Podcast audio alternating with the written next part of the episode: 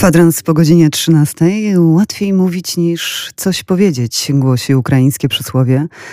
No i właśnie, tak jest w tej naszej dzisiejszej rzeczywistości, bo jak właściwie dobierać słowa, wiedząc, że świat obok się pali. Teraz jest e, potrzeba działania, a nasz e, dzisiejszy gość o tym doskonale wie, bo jak sam mówi, więcej spędził czasu na Krymie czy Odessie niż e, w Gdańsku. Pamięta tańce w Arkadii, ławkę nad Urwiskiem i piękny port w nocy w Odessie. A do swoich tamtejszych przyjaciół pisze: Byliście i jesteście moimi aniołami na końcach kresów. I tam właśnie Państwa zapraszamy. Dzień dobry, Krzysztof Mysiak, Agata Zalewska. Podróże małe i duże. Archeolog, historyk z wykształcenia, od 20 lat przewodnik po Roztoczu, a pasja doprowadziła go w końcu do dawnego polskiego okna na wschód, wielokrotnie obleganego przez wrogów, ale wciąż zachwycającego architekturą Lwowa, a także do dumnej stolicy, której wiele zabytków przepadło w mrokach dziejów, Kijowa. Nie mogło go też zabraknąć w Żółkwi, miasteczku wzorowanym na jego ukochanym zamościu. No i oczywiście w dawnym kurorcie nad Morzem Czarnym, czyli w Odessie. O Ukrainie sprzed 24 lutego 2022 roku opowie nam dzisiejszy gość Wojciech Łosiewicz. Witaj Wojtku. Witam, bardzo miło mi gościć w Waszych zacnych progach tak wspaniałego Radia Lublin. E, jest mi miło tym bardziej w tym okresie, że pamiętamy e, o Ukrainie, o ich atrakcjach, o atrakcjach turystycznych tego pięknego, wielkiego kraju. I to czysta przyjemność opowiadać o tak pięknym miejscu, jakim jest Ukraina, Lwów. No właśnie, zostawiłeś tam kawałek serca. Na w pewno. Ukrainie, tak? Na pewno. E, podczas swojego życia bardzo długo, e, często przebywałem na Ukrainie. Kiedy rosłem w górę, miałem mapę pokazującą nasze województwo i na tej mapie były zaznaczone jeszcze Lwów, Czerwonohrad, Nowowołyńsk. Kiedy dojrzewałem, Więcej zobaczyłem miast na zachodzie, w Niemczech, miasta partnerskie mego miasta Zamościa, tam podróżowałem. Natomiast w pewnym momencie, gdy osiągnąłem pełnoletność, postanowiłem odkryć te miasta tuż przy granicy. I tak zaczęła się moja przygoda z Ukrainą, która trwa e, już paręnaście lat. W miastach takich jak Odessa, Lwów, Kijów i w innych miastach takich jak Drohobycz, Truskawiec, Borysław, Iwano-Frankowsk i wielu, wielu innych mam swoich przyjaciół, którzy pomagali mi codziennie podczas moich e, pobytów w Odessie. Pomagali także grupom 50-60 osób, moich turystów z Polski i z zagranicy. E, rzeczywiście także byłem rezydentem na Krymie e, i razem z moimi przyjaciółmi miejscowości Auszta rozwiązywaliśmy wszystkie problemy turystów z Polski, gdy oni znaleźli się właśnie tam. Dyżur całodobowy rana nie pamięta. Nie, nie pamiętam, tak zacząłeś jeden ze swoich wpisów na Facebooku. No właśnie, ile udało ci się skraść godzin tej nocy? Zaraz wyjaśnimy dokładnie o co mm. chodzi. Wczoraj wieczorem skończyłem razem ze swoją koleżanką Kasią, lekarką, którą serdecznie pozdrawiam. Bardzo późno w nocy objazd e, miejsc, gdzie zakwaterowane są osoby uciekające przed wojną. E, byliśmy w wielkim punkcie recepcyjnym na ulicy Zamońskiego 62 w Zamościu, gdzie spotkałem także bratni mi naród podróżujący trochę jak ja z wiatrem cyganów, e, którym pomogłem rozwiązać różne problemy. Z Ukrainy uciekają wszyscy. Uciekają Ukraińcy, uciekają Rosjanie rosyjskojęzyczni, uciekają Polacy, uciekają Cyganie. Każdy z nich to jest e, jedna wielka historia. Każda osoba jest jedną wielką historią. I tak jak słuchają mnie osoby z moich bliskich, które już przybyły do Polski, E, są bardzo e, różne to historie, tak jak e, nasze historie życia. Są na Ukrainie mieszkają ludzie, którzy mówią różnymi językami. Jest to bardzo barwny, wielki kraj, który dopiero składa się w jedną całość, tworzy sobie swój spójny, spójny mit, swoją historię. To, co my zrobiliśmy przed II wojną światową, Ukraińcy robili przez ostatnie 30 lat, a nawet mogę zaryzykować i powiedzieć przez 20 lat tworzyli spójną historię. Pozdrawiam tutaj moją koleżankę z Odessy, Zajcewa, ma na nazwisko. To dobra moja koleżanka. W zeszłym roku organizowaliśmy obchody bitwy z 1920 roku, ponieważ bardzo dużo osób w 1920 roku z Odessy, z Ukrainy broniło Lubelszczyzny. Była to armia jednego z oficerów bez, bez ruczki, e, przepraszam, armia Petlury, a jeden z oficerów tej armii e, bez ruczko obronił Zamościa w 1920 roku przed armią konną Budiennego. I chcieliśmy razem z przyjaciółmi z Odessy e, zacząć tak naprawdę wielkie pojednanie polsko-ukraińskie od przypominania punktów w historii, które były wspólne, naszych wspólnych sukcesów i współpracy. Teraz chyba jesteśmy świadkami trochę takiego pojednania. Tak. Ono... Tylko to już nie jest rekonstrukcja, to już nie jest y, nic wyreżyserowanego, tylko to już jest rzeczywistość. Ono następuje w sposób rozsądny mhm. i to pojednanie ma tradycję 1945 roku, kiedy oddziały Winu z Hrubieszowszczyzny, z Zamojszczyzny podpisały porozumienie, które obowiązywało obie strony. No dzisiaj nawiązujemy w naszej tradycji właśnie do tych żołnierzy, którzy po wojnie nie złożyli broni. Jednym z nich był Hieronim, Gołęb... Hieronim Deputowski, pseudonim Zapora, ale także Gołębiowski. Cichociemny, który stacjonował w mieście Chrubieszów i to on stał za porozumieniem polsko-ukraińskim e, w 1945 roku po tej wielkiej wojnie. Dzisiaj dzieje się ono spontanicznie. Dlaczego? Część mieszkańców Ukrainy to dzieci dawnej Rzeczpospolitej. Mamy takie same przysłowia. Mhm. Mamy bardzo podobne żarty. Gdy w Lwowie ktoś wychodzi z restauracji, e, no i może to będzie e, takie bardzo dosadne i powie, że dzisiaj syfkiła mogiła, no to wiadomo, e, że lepiej do tej restauracji nie wchodzić na posiłek. Więc rozumiemy się nawzajem. Nasze, nasze gesty, nasze twarze podobny sposób działają. Wychowaliśmy się na podobnych historiach, wychowaliśmy się e, jako dzieci Rzeczpospolitej, Wielkiej Matki, która zaszczepiła w narodzie na wschód od nas i w innych narodach to, iż wolność jest ważniejsza od własnego życia. Mhm. Co widzimy dzisiaj na wschodzie, iż ci ludzie bronią wspaniałych miast, przepięknych domów, w których mieszkają e, Odessy, e, jednego z najpiękniejszych miast na, na świecie, wspaniałego centrum Arkadia, gdzie można tańczyć, śpiewać. Mhm. No właśnie, przewodnik, e, archeolog, a dziś kierowca, ratownik medyczny, e, MOPS, lekarz, magazynier, ojciec i matka dla ludzi w drodze z pociągu, który ruszył w czasie bombardowania. E, tak też właśnie relacjonujesz to, co teraz wykonujesz, na, na czym polega teraz Twoja praca. Mm, bardzo dobrze potrafię wyobrazić sobie przestrzeń i potrafię sobie wyobrazić różne miejsca, gdzie ludzie pracują. Wcześniej, gdy jeździłem na Ukrainę, w wielogodzinnych korkach, dawno, dawno temu, stałem na przejściach granicznych. Wiem, w jaki sposób poruszać się po Ukrainie, znam drogi, podobnie w Polsce. Mogę osoby, które uciekają ze środkowej Ukrainy, przez telefon pokierować, do jakich miast mają się kierować. Wiem także, kto z Polski wyjeżdża e, autokarem, busem. Pozdrawiam mojego kolegę Adama Sikorę, który jest alpinistą, e, hodowcą koni, a czuje potrzebę co tydzień ruszyć na objazd zachodniej Ukrainy i zabrać te osoby, które potrzebują ratunku. Takich osób jest mnóstwo. Pozdrawiam e, moje koleżanki e, z miasta Czerwonochrad, e, Lubow i Elizę. Jesteście wielkie, które codziennie z własnej chęci serca ruszają busem, przejeżdżają przez przejście graniczne i towary zawożą na Ukrainę do potrzebujących, zarówno tych, którzy są w Lwowie, jak też tych, którzy są w szpitalach, do ty, ty domów dziecka ewakuujących. wyruszasz, prawda? E, być może w następnym tygodniu we wtorek e, pojadę na objazd razem z panem Adamem Sikorą i dojedziemy do różnych miejscowości na Ukrainie. Pozdrawiam Borysław, na pewno Sergiusz przyjedziemy. Mhm. Wolontariusze teraz, y, no właśnie, oni nie oglądają telewizji wojny w Ukrainie. Wy ją widzicie na żywo. Widzimy ją, e, moja droga, tak jak widzę twoje oczy. Azerowie i narody Kirgizji i inni mówią, że w oczach jest zapisana cała dusza. Mhm. I gdy patrzy się w oczy kobiet, które uciekły z miast, Charków, Irpień, w ich oczach jest zapisane to, co się działo w ciągu ostatnich paru dni lub parunastu dni. To jest moment wybuchu wojny, niepewność, a także ten moment, kiedy siedziały razem z dziećmi i nie zdążyły wejść do piwnicy. W ciągu 15 minut musiały się zebrać. Była to decyzja ich życia. Decyzja, która została podjęta bardzo szybko i udało im się uciec często z tych miast. Znam opowieści moich sąsiadek, które mówią, iż e, jedna z całej rodziny, dziewczyna 17-letnia, słyszała o Polsce, że jest taki kraj na zachodzie. Gdy uderzyła bomba w ich dom, zaczęła krzyczeć, że jedziemy do Polski. Natomiast jej mama mówiła, że tam mogą różni ludzie mieszkać i wcale nie będzie lepiej. Na to ta dziewczyna odpowiedziała: Cóż, mama, lepiej, żebyśmy tutaj za 10 minut zginęły.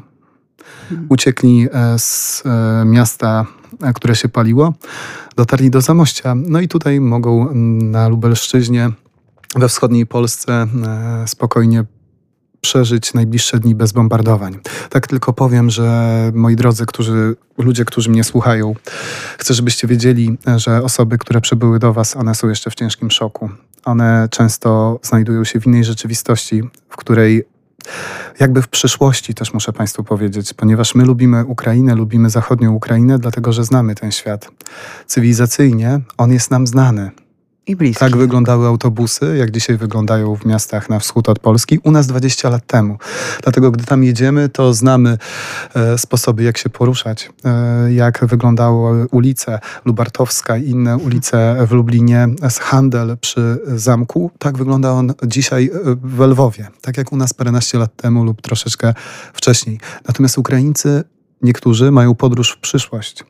Dla młodych dzieci ukraińskich może być szokiem e, szyba, która się spuszcza automatycznie. Język, którym o mówimy... O tym pisałeś, że Zamość by wyszedł jak metropolia, tak? Tak, tak. Rozmawiałem z dziećmi, które przyjechały z miasta o podobnej wielkości jak Lublin. Jest to Dnieprodzierżyńsk, który zmienił nazwę na Kamieńskie. Pozdrawiam mieszkańców Kamieńskiego, Dnieprodzierżyńska, jestem z wami.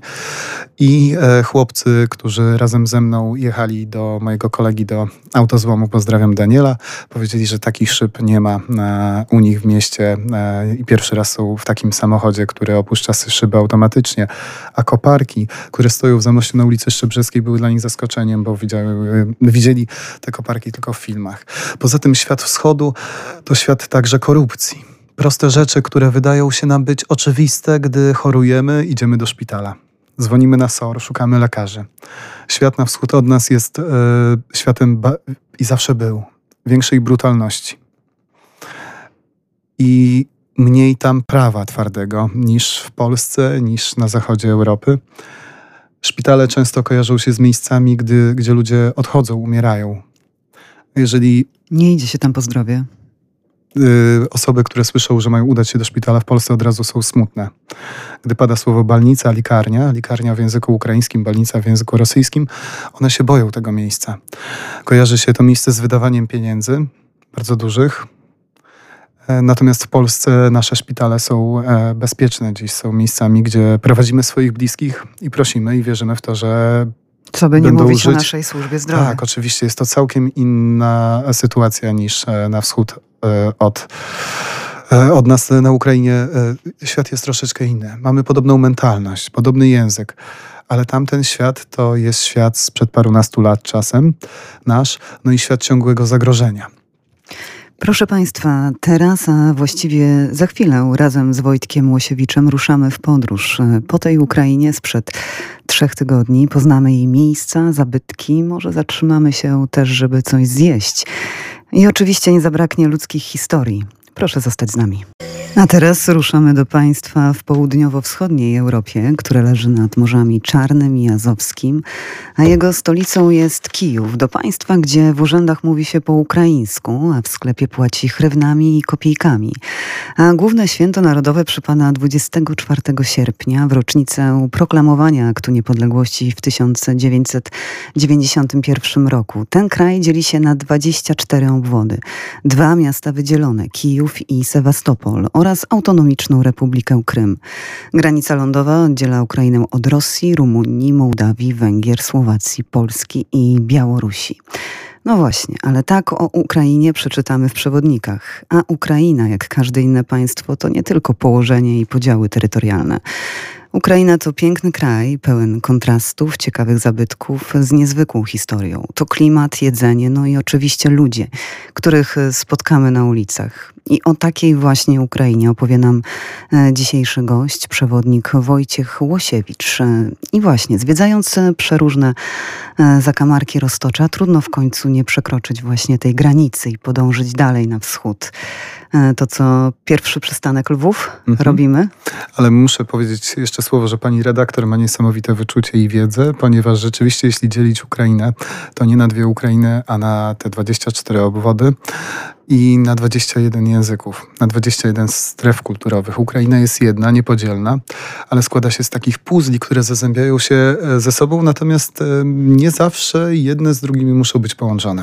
Mhm. Oczywiście, jeśli chodzi o Roztocze, region, który jest najbardziej chyba atrakcyjną częścią województwa lubelskiego, jeśli e, jako patriota mogę tak powiedzieć, lokalny, mm, kończy się ono na Lwowie. Zaczyna się pod Kraśnikiem, a kończy się w mieście Lwów. Miasto Lwów zostało wybudowane w XIII wieku na wzgórzu właśnie roztoczańskim. Mhm. Miasto Lwów to miasto, które łączy wschód z zachodem które więcej lat było w Austro-Węgrzech niż w Rosji czy w sowieckim związku, bo tak naprawdę dopiero po II wojnie światowej to miasto znalazło się w Rosji. Nigdy wcześniej w Rosji nie było. Miasto Lwów to miasto z architekturą europejską. Miasto, które jest wielokulturowe, ponieważ miasta zazwyczaj były wielokulturowe przez wieki. Na szczycie wzgórza w XIII wieku Daniel Halicki, który mieszkał także w Chełmie, wybudował gród obronny, a na dole podgrodzie. Następnie przybył nasz król, największy z królów. Jak myślisz, kto to był? No.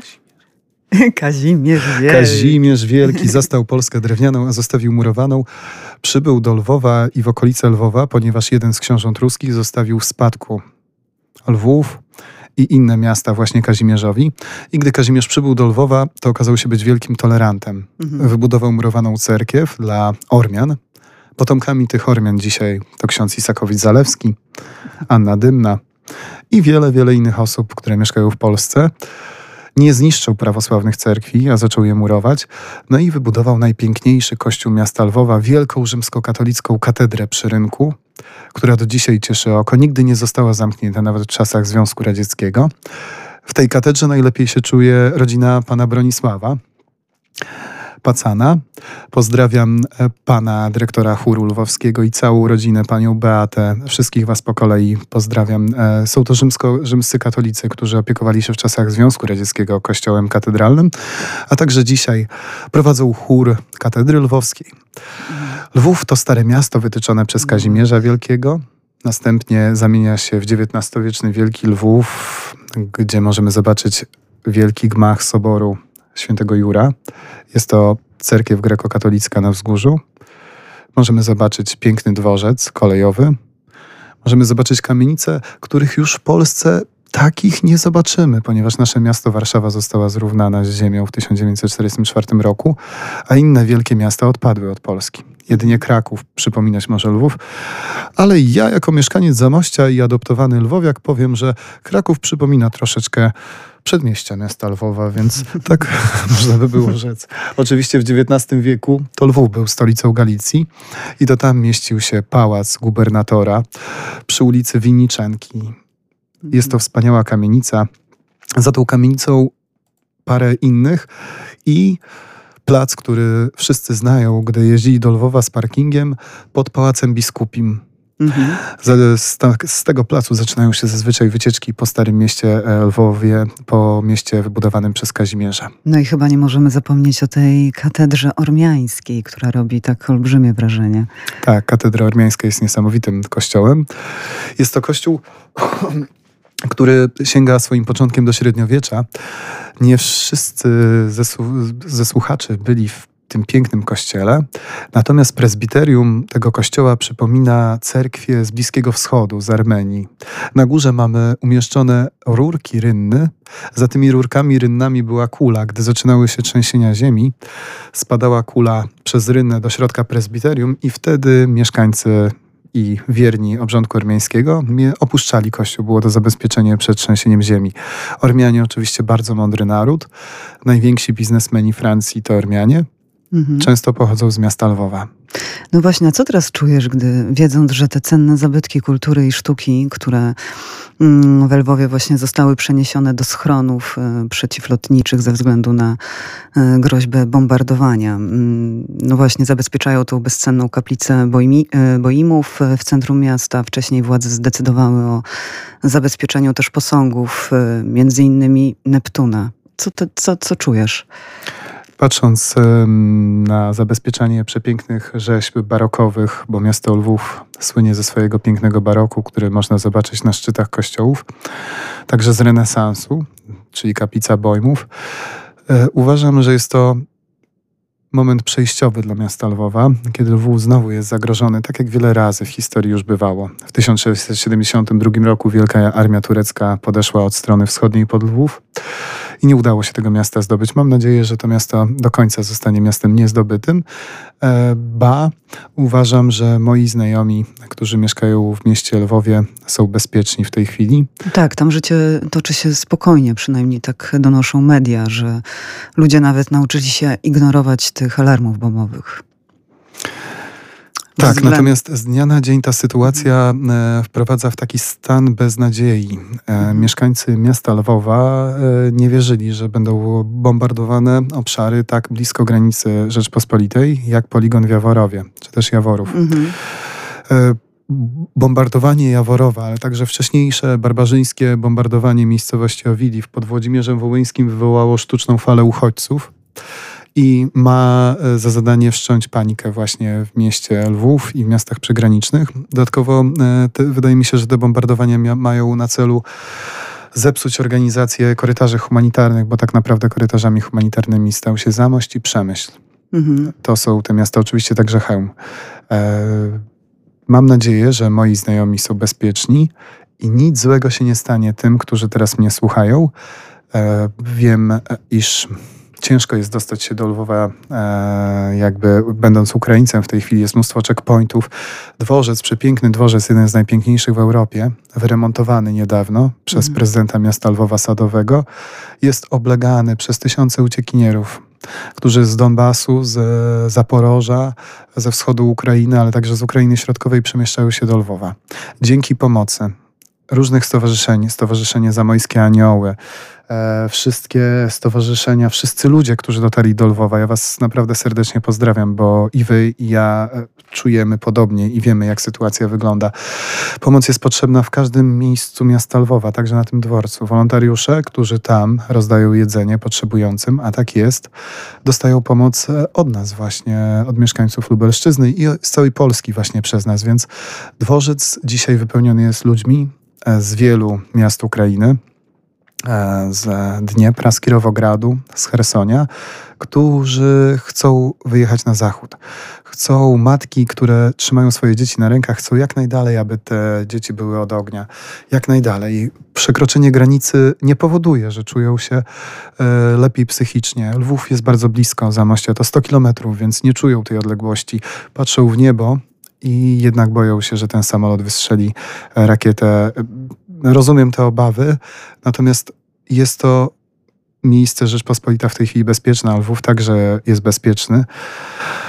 I daj Boże, żeby tak zostało. Te obiekty, które były bombardowane, to cele, które są celami wojskowymi, bądź też miejscami, gdzie można remontować samoloty, nie tylko wojskowe, ale i cywilne. E, więc Mam nadzieję, że wszyscy czujecie się bezpiecznie w tej chwili i że nikomu z moich znajomych nic się nie stało. W studiu Radia Lublin gościmy Wojtka Łosiewicza, przewodnika po Lwowie z Roztocza. Za kilka minut razem z nim przeniesiemy się do pięknej stolicy Ukrainy, Kijowa. Proszę zostać z nami. W studiu Radia Lublin jest z nami Wojtek Łosiewicz, który opowiada nam o Ukrainie, ale o tej Ukrainie, do której jej mieszkańcy i nie tylko chcieliby wrócić. Ale zanim przejdziemy do Kijowa, jeszcze na chwilę zostaniemy w Lwowie, no bo po trudach zwiedzania wypocząć można w jednym z lwowskich pubów. Z tego właśnie e, słynie Lwów. Tak, oprócz mnie oczywiście w studniu jest bardzo sympatyczna i bardzo mądra pani Agata Zalewska, jeden z najlepszych redaktorów europejskich. Moi drodzy, Lwów to miasto, gdzie przyjeżdżają ludzie bawić się z całej Europy, z Polski. Lwów to miasto wielkich, wspaniałych dyskotek, dyskoteka Malewicze, nie mamy takiej dyskoteki ani w Lublinie, ani w Przemyślu, ani w Rzeszowie. W Warszawie także takich e, dyskotek nie widziałem. To wspaniałe miejsce, gdzie są pokazy mm, tańca, ale pokazy także akrobatyczne. Miejsce super bezpieczne. Co ciekawe, te dyskoteki miasta Lwowa są bezpieczniejsze czasem niż dyskoteki w mieście Lublin. Mhm. Miasto Lwów to tańce, to dyskoteka fashion, w której poznałem Irę Bardyn. Ira w tej chwili wyjechała z Lwowa i mieszka w Gdańsku. To dyskoteka Rafinat. Dawniej wszyscy chodzili do rafinatu potańczyć. No i oczywiście wspaniałe restauracje. Puzata Hata, czyli takie miejsce, gdzie można zjeść coś, wybrać jedzenie na szybko, podejść do kasy jest szybko liczone. To miejsce bez dużych wymogów, jeśli chodzi o sposób jedzenia, ponieważ je się tam bardzo szybko. No i je się wspaniałe dania kuchni ukraińskiej, czyli oczywiście barszcz ukraiński, pielmieni, warenki przepyszne, tak jak u babci. Ta kuchnia ukraińska przypomina kuchnię naszych babć. Jest zdrowa, ponieważ na Ukrainie nie używa się dużej ilości nawozów. Piwo lwowskie jest jednym z najlepszych piw e, europejskich. Założony został browar w 1715 roku. Można ten browar zwiedzić, można także smakować piwa lwowskiego. Wspaniała restauracja, lwowska premiera ze wspaniałymi przyjaciółmi Polakami, kelnerami, którzy rozjechali się także po świecie, ale wrócą do miasta Lwowa. Z panią Alą, uśmiechu od ucha do ucha, e, która zawsze pilotom wycieczek starała się dogodzić i grupom turystycznym. I mnóstwo innych restauracji, palarnia kawy, miejsce, gdzie można napić się bardzo mocnej, wspaniałej kawy. Z tej palarni kawy wynoszono, która wygląda jak kopalnia. Ta palarnia kawy wygląda jak kopalnia. Wchodzi się do wnętrz, które przypominają kopalnie. i nazywa się Kopalnia Kawy. Niesamowite trunki lwowskie. E, to trunki na miodzie, medowucha, polecam bardzo dobry e, trunek, rozgrzewający z dużą ilością miodu, który jest zdrowy. E, pan, który jest też e, z nami w studiu, uśmiecha się w tej chwili, kiwnął głową, czyli być może próbował tego i potwierdza. Tak, tak realizator potwierdza. Pan Krzysztof kiwa teraz głową tak. i mówi, że choriłka jest pyszna. To Ukraina, wspaniałe smaki i bardzo różne, bo oprócz restauracji polskiej, czyli na przykład premiera, oprócz restauracji Poza ta chata, gdzie możemy spróbować dań ukraińskich, mamy także restaurację Hinkali, czyli miejsce, gdzie można spróbować e, pierożków gruzińskich, ormiańskich, czy też po prostu kaukaskich, bo każdy z tych narodów kłóci się, kto wymyślił owe pierogi. I każdy uważa, że to właśnie jego naród e, stworzył Hinkali. Mhm. Obowiązkowym punktem e, na trasie zwiedzania właśnie tego obwodu lwowskiego jest także, no właśnie, Żółkiew. To jest miasteczko, które bardzo przypomina Zamość. No i tak, tak, miało być. Tak. Zamojski budując Zamość i hetman Stanisław Żółkiewski, Stasio to przepiękne imię polskie, tak jak i Wojtek, e, wybudowali nową drogę do miasta Lwowa. Skrócili szlak, który wcześniej przebiegał przez Chrubieszów, Sokal, o jeden dzień drogi, budując miasto Zamość i budując miasto Żółkiew. Miasta mhm. były wielokulturowe i idealne. W Żółkwi jest wspaniała wielka synagoga. Nie mamy takiej, być może synagoga we Włodawie. E, w województwie lubelskim jest podobnej wielkości wielkości, jak ta synagoga w Żółkwi. Mamy tam kolegiatę, kościół renesansowy wzniesiony przez Włochów. W podziemiach tej kolegiaty możemy zobaczyć krypty z ciałem Stanisława Żółkiewskiego. To jest hetman, który zdobył Moskwę i który był starostą e, w Moskwie, czyli sądził po prostu z ramienia królów polskich, bojarów ruskich. E, gdy zmarł, gdy zginął po bitwie z Turkami, jego głowę przesłano do Istambułu, żeby pokazać, że diabeł nie żyje, ponieważ w Turcji i w krajach muzułmańskich wierzono w owym czasie, że tylko diabeł może wygrywać z pobożnym muzułmaninem, takim jak imperator. Jego ciało zostało wykupione, a u Stanisława Żółkiewskiego służył Michajło, czyli Michał Chmielnicki, ojciec Bogdana Chmielnickiego, był jego wiernym sługą. E, był podczaszem, czyli dbał o te trunki, aby były właśnie nalewane w pięknym pałacu Żółkwi, który jest naprzeciwko kolegiaty. Ważne jest to, iż w podziemiach tej kolegiaty jest ciało Stanisława Żółkiewskiego, które wróciło z Żółkwi, do Żółkwi właśnie z Istambułu. Obok jest tabliczka ufundowana przez ułanów jazłowieckich, czyli przez przedwojennych ułanów. Na niej napisane jest dziękujemy tobie szefie. Ten szef, ten szef to właśnie hetman, dowódca sił zbrojnych Stanisław Żółkiewski. Umieścił na nagrobku inskrypcję. Niech z moich kości wyjdzie mściciel. A mścicielem tym został Jan Sobieski, który był wnukiem Stanisława Żółkiewskiego i pomścił jego śmierć na terenie obecnej Mołdawii na Imperium Tureckim w bitwie pod Wiedniem. No właśnie, tak, ale już tutaj zakończymy tę podróż po Lwowie, bo chciałam jeszcze w tej części rozmowy zajrzeć właśnie do Kijowa, choć teraz trudno jest mówić o tym e, Kijowie. Mm, niektórzy eksperci przewidują, że jeśli nie dojdzie do porozumienia, to Kijów oraz inne większe miasta zostaną obrócone w sterty gruzu. E, docierają do ciebie sygnały od mieszkańców e, Kijowa teraz, który cały czas odpiera te ataki? Tak. E, pozdrawiam Igora, e, który walczy w Kijowie, e, który miał chwilę parę dni temu, aby zajrzeć do swojego rodzinnego miasta i chwilę odpocząć. Igor Gonczarenko, pozdrawiam Ciebie serdecznie i patrzę, co dzieje się na Facebooku. Te osoby, które zostały w, Lwowie, w Kijowie, to mieszkańcy Kijowa, ale także ci, którzy Kijowa postanowili bronić. Podkreślają, iż razem z nimi są inni, innymi batalion Białorusinów, którzy walczą o wolność w Kijowie. Białorusini, tak jak i Ukraińcy, e, mają e, w duszy wolność. Nasze stare przysłowie musi, że muś, mówi, że musi to narusi, a w Polsce jak to chce.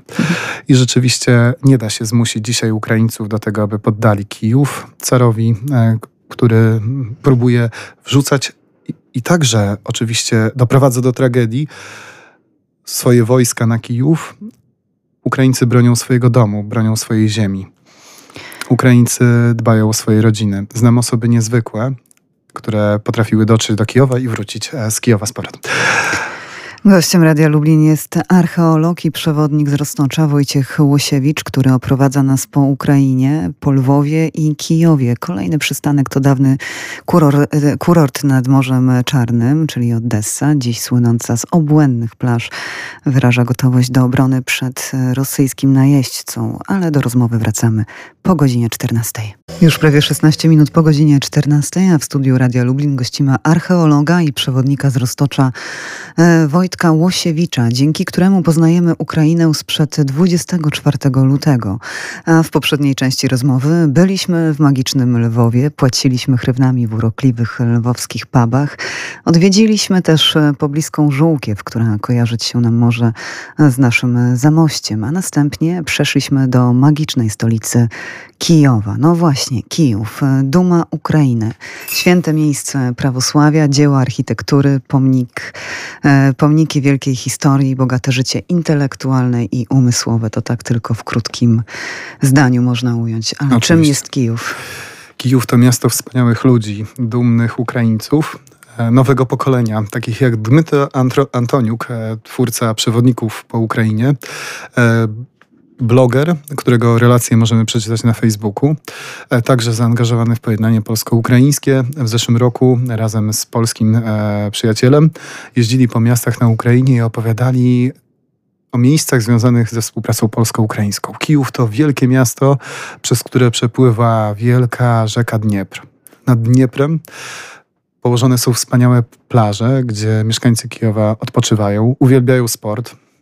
Uwielbiają pływać na łódkach, uwielbiają odpoczywać na plażach na, przy brzegu pięknej rzeczy, rzeki Dniepr. Na urwiskach nad Dnieprem złocą się przepiękne kopuły w niesamowitych ilościach cerkwi prawosławnych. Tak kojarzymy A... właśnie z obrazków, prawda? Kijów, te kopuły, tak. tak. Ten z, tak jak rozmawialiśmy z panem Krzysztofem w przerwie i razem z panią Agatą Zalewską, jedną z najlepszych redaktor radiowych w Polsce, o tym, iż e, na wschód od nas wszystko jest takie bardzo bogate, prawie barokowe, rustykalne. E, tak, to prawda. Tamta kultura jest bardziej barwna, bardziej kwiatowa, jest związana troszeczkę bardziej z Azją, z większą e, ilością wpływów z Bliskiego Wschodu, choćby przez Morze Czarne, bo do Turcji jest tylko jedno morze, a my do Turcji mamy bardzo wiele krajów, proszę e, zauważyć. Natomiast z Odessy można przepłynąć statkami do Turcji w ciągu jednego dnia. Wracając jeszcze do Kijowa.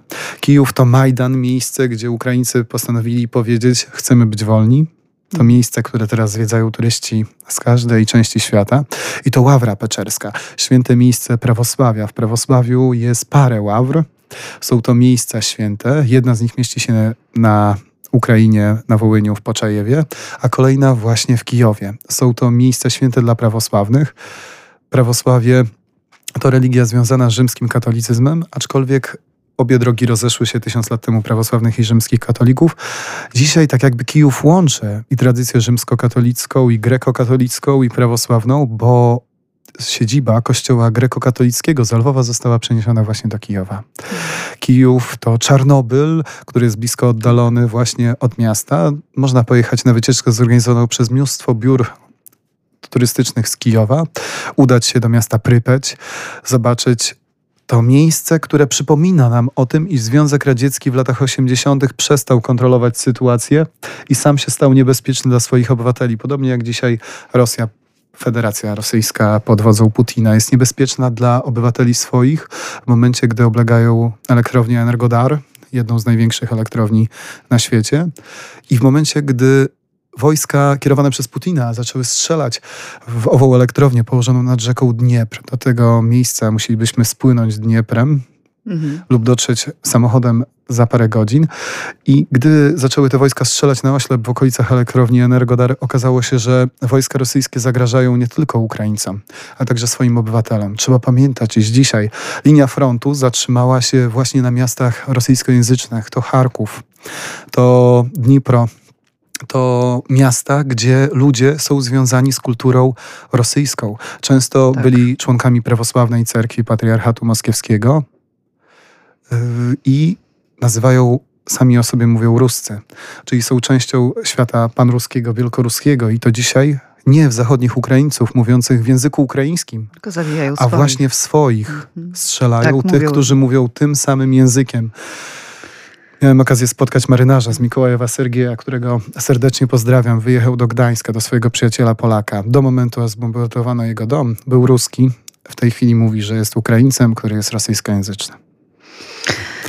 Teraz może wybierzemy się na wycieczkę do Odessy, miasta wybudowanego prawie od podstaw w XVIII wieku, a dziś przygotowuje się, no właśnie, także na inwazję wojsk radzieckich inwazję wojsk, nawet można powiedzieć gorszych niż radzieckie mm -hmm. i gorszych niż e, Armia Czerwona. Inwazje wojsk, które są nazywane w świecie wojskami orków, którzy niekontrolowani są w żaden sposób. Odessa, co przed chwilą usłyszałem od mojego przyjaciela, znajomego, kolegę, przewodnika, którego nigdy nie spotkałem, Borysa Tynki, a codziennie daje on na Facebooku relację z Odessy jest bezpieczna, spokojna. Mhm. Mieszkańcy Odessy nie, nie widzą wystrzałów, ponieważ Zatrzymane one zostały na linii Mikołajewa i tak. innych miast. I tamte miasta ponoszą ciężar obrony Wielkiego Portu Odeskiego. Odessa to wspaniałe schody, które prowadzą do portu morskiego. Takiego portu nie widziałem w Polsce ani też w Niemczech. E, schody patiomkinowskie, znane z różnych e, filmów historycznych dotyczących rewolucji. Za schodami patiomkinowskimi mamy gmach opery. Piękny, który naprawdę jest perłą na planie miasta Odessa, na planie, który składa się z pokrzyżowanych pod kątem prostym uliczek, bo to tam miasto zostało wybudowane od podstaw. Po jednej stronie Odessy mamy stare miasto, mamy schody patiomkinowskie, port morski, a za schodami operę i ulicę także polską właśnie. Możemy tam zobaczyć bardzo dużo tablic związanych właśnie z polskością. Mhm. A na południowych przedmieściach miasta ulokowano e, pomnik e, heroicznej obrony Odessy, który no, miejmy nadzieję, że i w tych czasach nie, tak. nie straci na tej aktualności. Tak. Odessa była w tradycji tych e, rosyjskich miast miastem niezdobytym, podobnie jak Sewastopol. Były to miasta, które walczyły z nazizmem bardzo mocno i bardzo długo. To są miasta, gdzie czczono tradycje wojskowych marynarzy, gdzie składano zawsze zawsze w maju e, kwiaty pod pomnikiem e, zwycięstwa. Dzisiaj te miasta pokazują, iż są wspaniałymi miastami Ukrainy, które będą bronić się do końca. Doborowe jednostki ukraińskie bronią Odessy. No a Borystynka jest takim symbolem tego, iż Europa pamięta o Odessie. Borys wczoraj wrzucił zdjęcie z plaży w Odessie, gdzie czytał przewodnik e, po ulicy francuskiej w Odessie, bo w, Odessie jest dużo ulic, ona to genueńska, francuska, wenecka. Odessa to także miejsce wypoczynku. Jest drugi tak. koniec miasta, właśnie ulica Genueńska, gdzie są wielkie, wysokie hotele, w których mieliśmy być przyjemność, miałem być przyjemność. No, kiedyś Polacy tam podróżowali bardzo często. Tak, tworzyli także kulturę polską tam. Także mieszka rodzina obecnie e, obecnego szefa, e, prezesa partii Prawo i Sprawiedliwość, pana Kaczyńskiego i prezydenta e, Rzeczpospolitej, pana e, Lecha Kaczyńskiego. Oni mieszkają właśnie w Odessie. E, Odessa to z jednej strony stare miasto, A po drugiej stronie mamy największe miejsce imprezowe na Ukrainie. Jest to plaża Arkadia z wielkimi dyskotekami typu Ibiza, z mnóstwem parków rozrywki, ze wspaniałymi restauracjami uzbeckimi, kirgiskimi, no i ze wspaniałymi ludźmi, których No serdecznie pozdrawiam. No i właśnie o tych ludziach jeszcze chciałabym chwilę porozmawiać, jak ich poznałeś w Ukrainie, o tej atmosferze, mm, jaką oni tworzą. Jacy są ludzie tam? Są bardzo otwarci. W normalnych oczywiście tych, y, w normalnej rzeczywistości, bo teraz mamy ten obraz zaburzony, prawda? Są bardzo otwartymi ludźmi. Nigdy w życiu nie poczułem się, nie czułem niebezpieczeństwa ze strony Ukraińców. Mieszkałem także w czasie wakacji na Krymie. Po 2012 roku, po wydarzeniach z Warszawy, czuć było e, jakby niechęć Rosjan lub ludzi rosyjskojęzycznych do Polaków e, na Krymie, gdy słyszeli, iż jestem innostrancem właśnie z Polski. Tamci okazywali niezrozumienie, a nawet też czasem e, kipiały w nich emocje, złe emocje. Natomiast Ukraińcy uważają nas za swoich sojuszników. Dawniej, w czasach Związku Radzieckiego, uczono ich, że gdyby nie Rosjanie, to Polacy ciągle byliby na zachodniej obecnej Ukrainie, w Lwowie, w Tarnopolu. Stwarzano wrażenie niebezpieczeństwa, iż Polacy są niebezpieczeństwem dla państwa ukraińskiego. Dzisiaj już wiedzą mieszkańcy Ukrainy, którzy mówią w tak wielu językach, że nie jesteśmy ich wrogami, a jesteśmy ich przyjaciółmi, gdzie mogą schronić się na czas tych wydarzeń, które dzisiaj dzieją się na Ukrainie. Arkadia ze wspaniałymi restauracjami, plaże Arkadii, a obok miasto Odessy Akerman. To miasto znane nam z sonetów krymskich. Mhm. Miasto jeszcze przed Krymem, Białogard. Tam możemy zobaczyć wspaniałą twierdzę, kościół ormiański, liman i odpocząć po prostu. Odessa jest miejscem, gdzie turyści z Polski powinni pojechać na parę dni, zwiedzić miasto, zwiedzić Ackerman. Po drodze do Odessy, gdy przejeżdżają przez równe pola dawnego stepu, obejrzeć Zofiówkę, najpiękniejszy park romantyczny w Europie. No i tam generalnie jest ciepło. Tak, no w Odessie jest, jest cieplej. Tak. Mm, droga pani Agato, kiedy byłem na Krymie, byłem zdziwiony, że nie ma po prostu drzew, gdzie mógłbym się schować. Krym przypomina bardziej e, kraje e, Bliskiego Wschodu niż e, część Europy. Na Krymie i w okolicach Odessy mieszkają Tatarzy. Naród, który jest bardzo tolerancyjny, który wrócił na Ukrainę w 1991 roku, ponieważ w czasach Stalina został wysiedlony z Krymu. Naród gościnny, ze wspaniałymi słodyczami, z bardzo mocną kawą, której można było napić się w Bakczysaraju. I trzeba pamiętać, że Krym to także Ukraina. O Ukrainie, takiej jaką chcielibyśmy pamiętać, opowiada nam przewodnik Wojciech Łusiewicz, a do rozmowy wracamy za kilka minut. Przed chwilą wysłuchaliśmy utworu Podaj rękę Ukrainie, ukraińskiej grupy Taraka, której członek Dmitrij, 28-letni wiolonczelista, poległ walcząc właśnie w Ukrainie. Dziś w Ukrainie żołnierzami są wszyscy. Rękę Ukrainie podaje przez swoją działalność nasz dzisiejszy gość Wojtek Łosiewicz, który zabrał nas w podróż po Ukrainie. To była też podróż do przeszłości, niedalekiej, bo to zaledwie trzy tygodnie, a w normalnej rzeczywistości taki czas niewiele zmienia. No ale właśnie, to w normalnej rzeczywistości. Powiedz mi, Wojtku, jak ty pamiętasz Ukrainę, Ukrainę, w którym mieście zostawiłeś może największą cząstkę siebie? Stałem się e, lwowiakiem. Myślę, że zaadoptowany zostałem przez moich przyjaciół z Lwowa, pięknego, dużego miasta, jako jeden ze swoich. W Odessie także oczywiście pośród moich przyjaciół pozdrawiam jeszcze raz Swietłanę Zajcewę e, i w wielu, wielu innych małych miasteczkach, w Karpackich Górach, e, w Pilipcu, w małej wiosce, w Uszchorodzie, gdzie mówi się czterema językami. E, każde z tych miast jest niesamowite, każde z tych miast jest niezwykłe, wieloetniczne. My w Polsce nie mamy świadomości, jak bardzo wieloetniczna jest Ukraina, natomiast mieszkając tam można zauważyć różne kolory twarzy, różne języki można usłyszeć. Co teraz jest dla Ciebie najtrudniejsze w trakcie niesienia pomocy? Bo właśnie w tę pomoc zaangażowany jesteś niemal przez 24 godziny na dobę. Nie ma trudnych rzeczy. Mm, dzięki e, Tobie, Agato, za kawę, którą właśnie wypiłem. Dzięki tej kawie potrafię wytrzymać bardzo dużo. Wcześniej pracowałem w turystyce, więc w czasie sezonu turystycznego rzadko kiedy spałem. Ja to trochę upraszczam tak naprawdę i staram się być jak Wojtek Niedźwiedź, aby pocieszyć tych, którzy słuchają nas w tej chwili.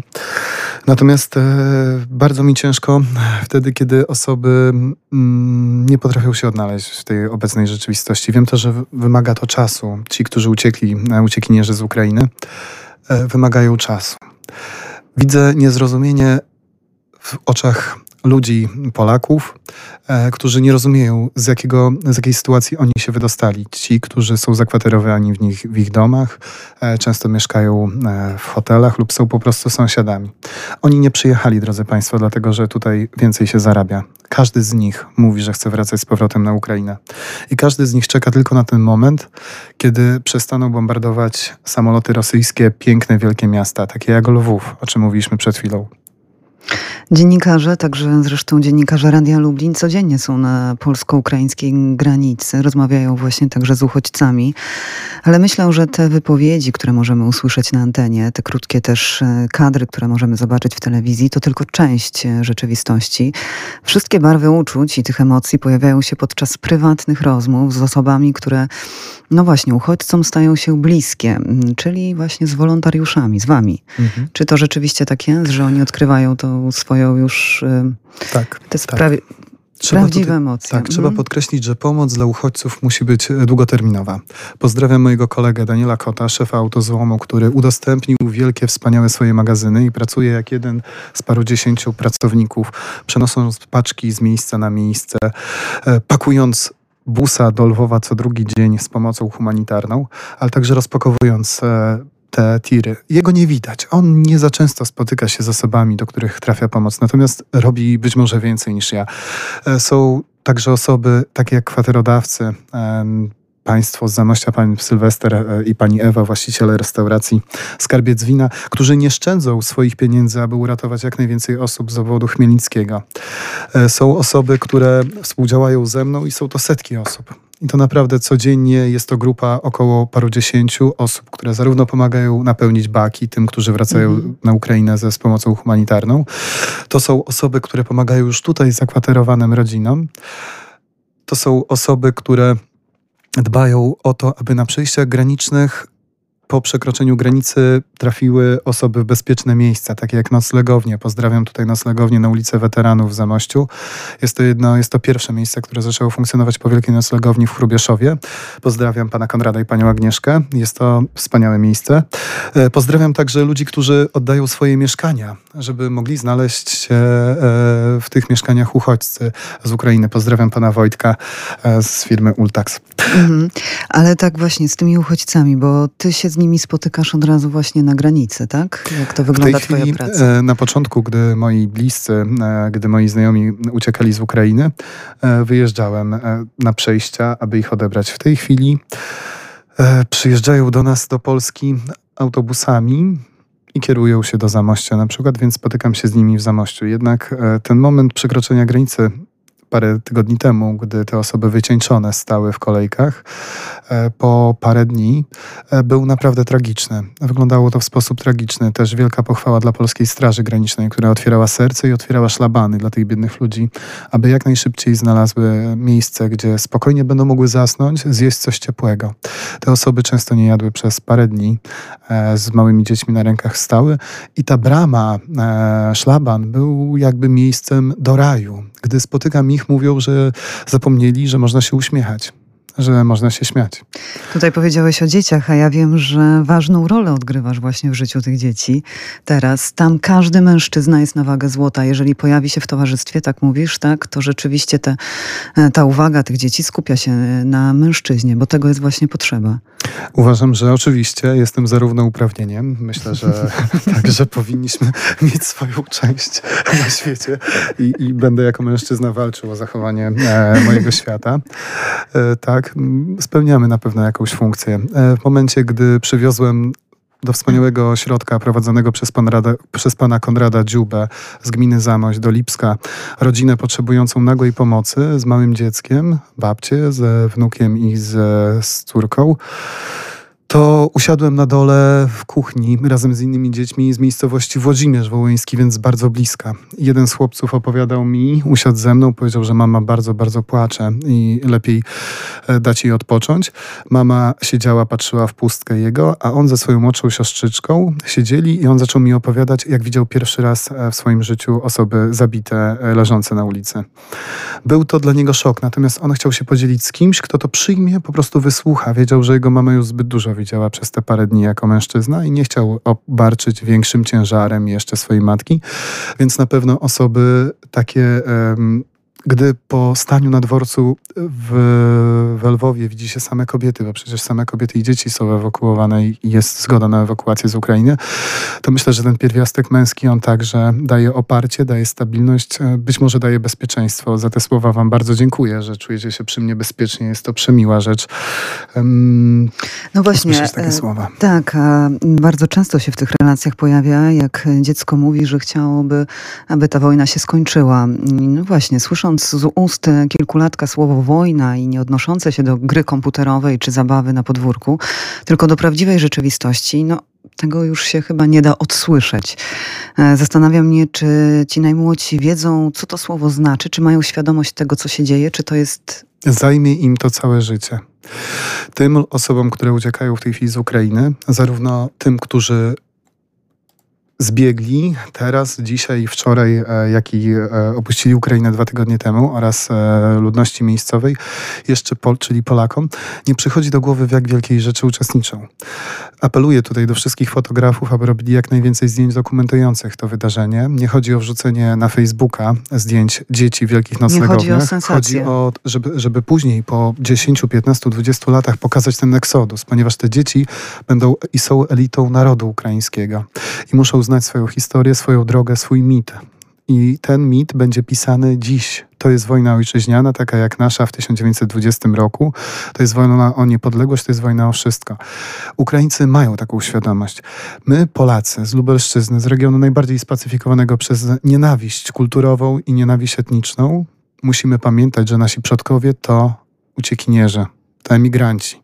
Nie tylko nasi przodkowie, ale twórcy naszej kultury. Mickiewicz, mhm, Sienkiewicz, Norwid. Mhm. I można wymieniać dalej. Ale także stryj i brat mojego dziadka. Mój dziadek był dzieckiem zamojszczyzny. E, został, spacy- został nasz dom i rodzina spacyfikowana w operacji Werwolf. E, jego brat, Tomek, wyjechał z Niemiec, z robót przymusowych, e, gdzie był niewolnikiem, do Stanów Zjednoczonych i wrócił dopiero w 1991 roku. Więc mam świadomość, że sam po części jestem z rodziny migrantów, uciekinierów. I nie wyobrażam sobie, iż w tym momencie, gdy ludzie zmęczeni po paru dniach bez jedzenia, bez odpoczynku, docierają do Polski, spotkają mnie lub moich znajomych, że nikt im nie pomoże. Jest taki piękny wiersz Leśmiana Samotność. On kończy się tym, że nikt nie pomoże nikomu. Ten wiersz znam, czuję ten wiersz, natomiast ja na, ten, na to się nie zgadzam. Mhm. No i w ogóle chyba Polacy stanęli na wysokości zadania. Tak. Trzymam kciuki za nas, za całą naszą społeczność, abyśmy dali udźwignąć następne dni, następne miesiące i następne wyzwania, jakie są przed nami. Ponieważ do zrywu i do działania w, w emocjach jesteśmy zawsze gotowi i potrafimy szybko znaleźć rozwiązania, tak jak w Zamościu w Lublinie, jeśli chodzi o, o noclegownię, wspaniali dyrektorzy szkół, pani Bakun i inni. Znaleźli Ale tu potrzeba takiej pomocy długoterminowej. I tutaj niestety musimy zwracać się do krajów zachodnich, które będą mogły wesprzeć nas materialnie, wesprzeć nas także organizacyjnie. Mhm. Ukraińcy to naród e, bardzo związany ze swoją tradycją, z religią. Tam e, mm, tak słyszałam też, że oni nawet nie żartują za bardzo na temat religii. U nich nie ma takich żartów. Na pewno, na pewno zależy którzy. Tak powiem ciekawostkę, że na Ukrainie Południowej i Wschodniej jest bardzo dużo ludzi, którzy nie wierzą w nic. Tak, jest to pozostałość po Związku mhm. Radzieckim. Na samym południu, czyli na Krymie, duża część to e, muzułmanie, Tatarzy.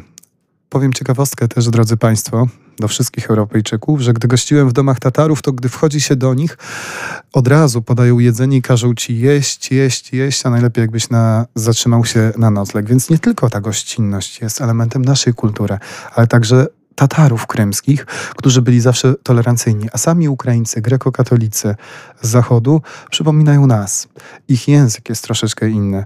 Prawosławni e, którzy mieszkają pod Kijowem, patriarchatu kijowskiego, auto, autokefalii prawosławnej, e, są religijni i w tym nas przypominają. Zbliża się już niedługo Pascha prawosławna, więc Wielkanoc. E, ja wiem, że nasi księża prawosławni, do których się teraz zwracam, staną na wysokości zadania, e, zarówno w katedrze w Lublinie, w Soborze Lubelskim, jak i w mniejszych cerkwiach. Wiem także, iż moi przyjaciele od Sandomierza do Tomaszowa Lubelskiego i Chrubieszowa będą takie wsparcie dawać tej pewien, społeczności. Mm, pewien brytyjski polityk powiedział, że w wojnach bez względu na to, która strona będzie się uważała za zwycięzcę, y, nie ma wygranych, są tylko przegrani. Zgadzasz się z tym? Tak, że tutaj... zdecydowanie. Druga wojna światowa jest przykładem, że wszystkie narody Europy Środkowo-Wschodniej wojnę przegrały. Rosjanie stracili miliony swoich własnych obywateli. Niemcy stracili wielkie miasta, zostały zburzone. Polacy stracili część siebie i część jakby wielkich, wspaniałych zabytków kultury, które przepadły i nigdy nie wróciły do nas. Nie, by, nie ma wygranych narodów w Europie Środkowo-Wschodniej. E, nie ma narodów, które wygrały II wojnę światową. I ta wojna jest wyniszczająca dla obywateli Rosji. Oczywiście dla obywateli Ukrainy także, ale mieszkańcy Rosji muszą zdać sobie sprawę, że ich przywódca zagraża ich własnemu dobru w tej chwili i nie myśli o swoich obywatelach w żaden sposób. Tak mają dyktatorzy. No właśnie, proszę Państwa, żadna podróż e, nie powinna być ucieczką. Nie powinna, ale dla Ukraińców e, przymierzających często po kilkadziesiąt kilometrów pieszo, czy kilkaset e, kilometrów pociągiem czy samochodem, ta droga to jedynie ucieczka. Ukraina, jaką przedstawił nam dzisiejszy gość, archeolog i przewodnik z Zamościa, Wojciech Łosiewicz to kraj pełen kontrastów, ciekawych zabytków z niezwykłą historią. Jednak dziś, czyli 19 marca 2022 roku, Ukraina kojarzy nam się przede wszystkim z wojną. Oglądamy zdjęcia i filmy z bombardowanych miast, ucieczkę ludności cywilnej, czołgi na ulicach. I mamy tylko nadzieję, że to, co się dzieje tam, wkrótce będzie jak zły sens, którego świat się obudził. Wojtku, bardzo dziękuję Ci ja za bardzo rozmowę. Dziękuję. Moi drodzy słuchacze, Pani Agata mówiąc to e, ma błyszczące oczy. Pani Agata czuje to, co dzieje się na Ukrainie i do Ukraińców, którzy w tej chwili słuchają nas. My z Wami. Ja, Pani Agata, Pan Krzysztof, którzy są mm. obok. Wszyscy Polacy są z Wami. A naszym sąsiadom z za wschodniej granicy, ale i nam życzę błękitnego nieba nad głowami. Jak takiego, jakiego dziś mamy właśnie w Lublinie.